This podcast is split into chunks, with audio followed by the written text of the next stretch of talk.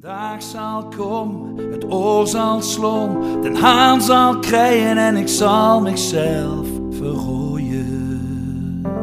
Voor dich, voor goed, voor altijd, voor zolang het zal bestaan. Wat heeft een dromerige wandeling van Fabian door een bloedhete stad te maken met zijn autorit met zoontje Gideon? Een autorit vol afwijkende vragen van zoon lief aan zijn vader. Waarom werd Fabian vroeger zo gepest door Victor? En hoe is het afgelopen met Victor toen hij bleef hangen in de lift van zijn school, terwijl de school voor weken de poorten ging sluiten? En wat verwacht Fabian eigenlijk van zijn bliksembezoek aan de reunie van zijn brugklas? En wie verwacht hij daar te zien na een kwart eeuw? Victor misschien? Laten we gaan luisteren naar Victor.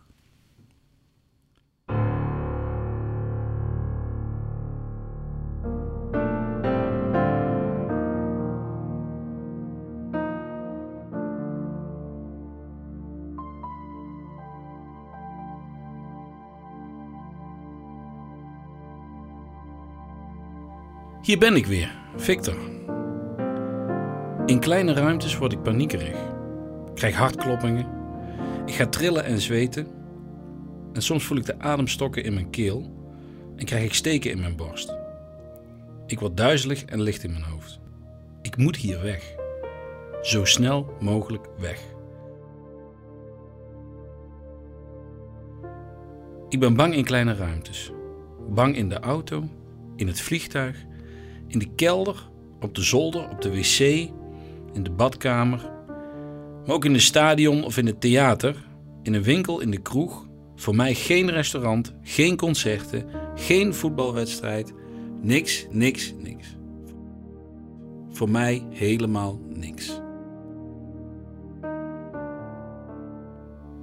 Op mijn slaapkamer bang, in bed bang, in een stoel bang, op mijn werk, in de keuken, op de gang en op straat. Overal vette paniek aanvallen. Al 25 jaar sluit ik geen deur meer af, maak ik mijn ogen niet meer dicht en sta eigenlijk voor niets of niemand meer open. Ik raak iedere dag een paar keer in paniek. Ik kan niet weg, maar ik moet weg. Maar dat kan dus niet. Ik krijg geen adem. Ik ben godverdomme weer bang. Ik word duizelig. Mijn hart slaat op hol. Het ontploft volgens mij dadelijk. Ik word gevoelloos, versteend en verlamd. Mijn adem blijft continu hangen in mijn keel. Ik probeer sneller te ademen en raak dan nog meer in paniek. De ene hyperventilatieaanval na de andere. Al 25 jaar.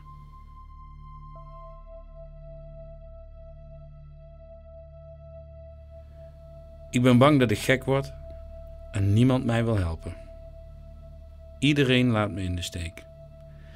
Ik zit opgesloten. Ik heb verloren. Ik kan nooit meer winnen. The winner takes it all. Ik wil eruit. Ik wil uit die verdomde donkere kutlift.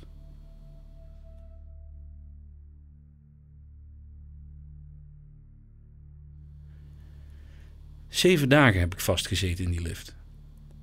Geheel Nederland stond op de kop en de wildste verhalen deden de ronde.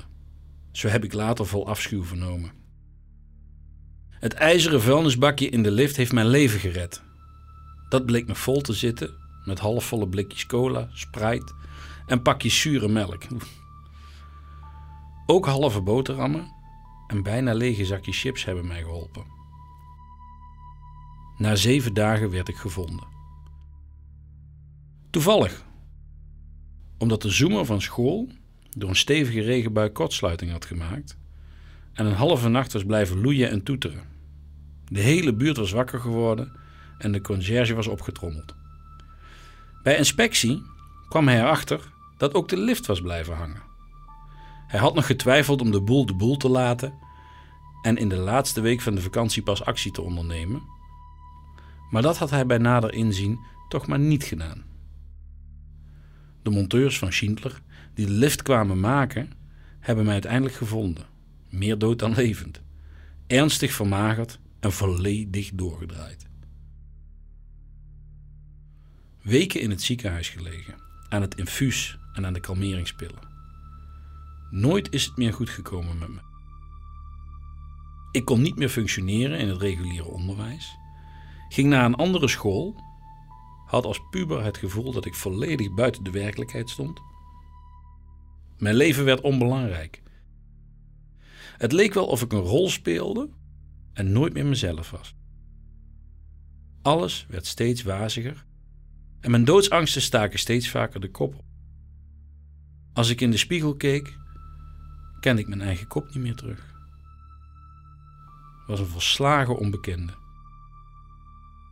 Waanbeelden stapelden zich op voor mijn ogen. Paniek, paniek, paniek. Mijn toekomst werd verleden tijd. Waarom had de halve haan mij niet geholpen? Waarom niet? Dan had mijn leven nog een kans gehad. Was het dan allemaal zo erg wat ik had gedaan? Nee toch? Beetje pesten. Het was toch alles? Pure onschuld van jonge mensen. Hoorde er toch gewoon bij? Toch? Ik was 18 toen ik besloot om voorgoed weg te gaan. Nooit had ik die Miet van Hanen nog gezien. Nooit hadden we nog contact gehad. Ik had het niemand verteld en hij dus ook niet, denk ik. Ik vertelde het niemand omdat ik me schaamde. Ik wilde niet dat iemand wist dat mijn leven afhankelijk van hem zou zijn geweest. Dan had hij gewonnen en ik verloren. Nu ook. Maar nu wist niemand het. Dat was dan mijn overwinning. Ik kon hier niet meer leven. En ik heb me teruggetrokken op Samos, in het dorpje Castagna, op de top van de hoogste berg van het eiland. Ik had in mijn jeugd, mijn pre-liftjeugd, veel over dit eiland en dit dorp gelezen. Daar was ruimte. Daar kon ik van me afkijken. Daar stond ik boven alles en hoefde ik me niet meer te schamen voor mijn angsten. Daar benauwde niks. Daar moest ik naartoe. Het dorpje was een soort van een uitgestorven spookplaatsje. Vele mannen uit het dorp waren uit wraak uitgemoord door fascistische Italianen in de Tweede Wereldoorlog. Daar zou ik niet opvallen met mijn gehuurde huisje hoog in de berg, met een uitzicht van kilometers. Ik kreeg een baantje als tuinman bij de burgemeester van een dorpje verderop. En dat ben ik ruim twintig jaar blijven doen. Met niemand contact. Met niemand behalve met de Miet van Hanen. Want aan hem dacht ik iedere dag. Iedere dag. Zou hij ook nog wel eens aan mij denken? Waarom had hij mij laten stikken? Waarom? Met die gedachte sleet ik mijn jaren op Samos. In volledige eenzaamheid en in volledige stilte. Alleen Fabian was bij mij. Permanent. Ik moest naar mijn geboortestad omdat mijn ouders beide in twee maanden waren overleden. En er moest een en ander geregeld worden in verband met de erfenis en het huis. Ik had al die tijd geen contact meer gehad met mijn ouders en ook met mijn broer niet. Ze hadden er van mijn twaalfde tot mijn achttiende alles aan proberen te doen om mij weer op de rails te krijgen. Maar toen ik besloot om te verkassen, hadden ze de moed opgegeven. Ik had ook geen afscheid genomen en ben gewoon gegaan. Een week na mijn achttiende verjaardag. Geen adres achtergelaten, gewoon vertrokken. Mijn broer was jaren na mijn vertrek via allerlei instanties erachter gekomen dat ik nog leefde en in Castagna woonde. Toen ik zijn brief kreeg met het verzoek om te komen, kreeg ik weer direct een paniekaanval. De dag erna kreeg ik een brief van de reuniecommissie 1981. Er was een reunie gepland. In het weekend dat ik er ook was, En ook nog eens vlak bij het huis van mijn broer. Tjonge. Mijn broer had er geen gras over laten groeien en direct aan mijn oud-klasgenootjes mijn adres doorgegeven. Zo kwam ik ook in het bezit van de uitnodiging. Ik had het iedereen kwalijk genomen dat ze me niet hadden gevonden in de lift. Ook mijn ouders en mijn broertje. Hoe hadden ze mij zo in steek kunnen laten?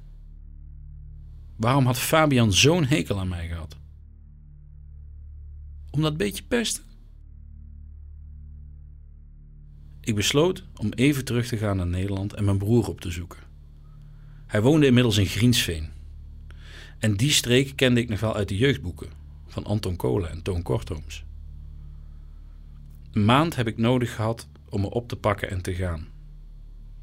Mijn broer kwam mij niet afhalen, maar had een klein zwart honderdje geregeld op het vliegveld van Düsseldorf. Straks zou ik hem zien.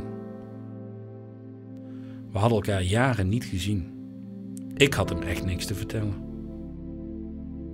Ik zou ook even naar de reunie gaan. Om hem te zien. Fabian Hane. Het halve haantje. Zou hij er überhaupt zijn? Fabian? En hoe zou het met hem gaan? Zou hij mij nog herkennen? Zou hij het nog weten?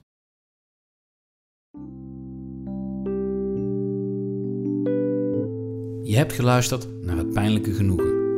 Een podcast van Jacques Paul Joosten en Jeroen van den Berg met medewerking van Omroep Venlo. Wil je meer weten over de podcast of over de muziek in de podcast? Kijk dan op www.jpjoosten.nl. Heb je genoten van het pijnlijke genoegen? Laat het ons dan weten door een review achter te laten via je favoriete podcastkanaal. De dag zal komen, het oor zal slaan. Dat ik dich zien en stil blief staan. En alles loten verwaarde is. Het is geschreven, is beslist. De dag zal komen, het oor zal slaan. En al de wereld zal vergaan. De moor zal vallen en de grens verdwijnt. Ik zal niets meer dezelfde zien. De dag zal komen, het oor zal slaan, de haan zal krijgen en ik zal mezelf verrooien. Voor dich, voor goed, voor altijd, voor zolang het zal bestaan.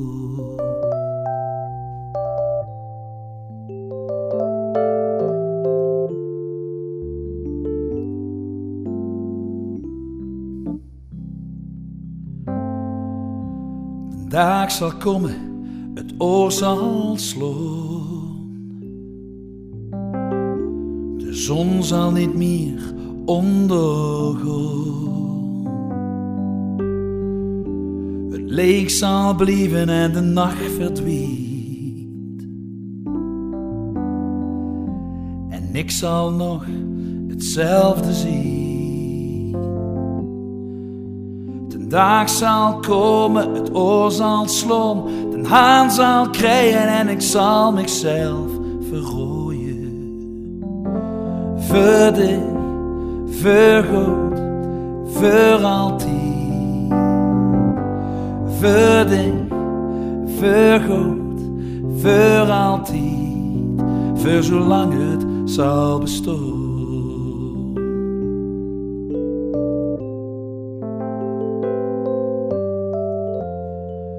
Voor zolang het zal bestaan.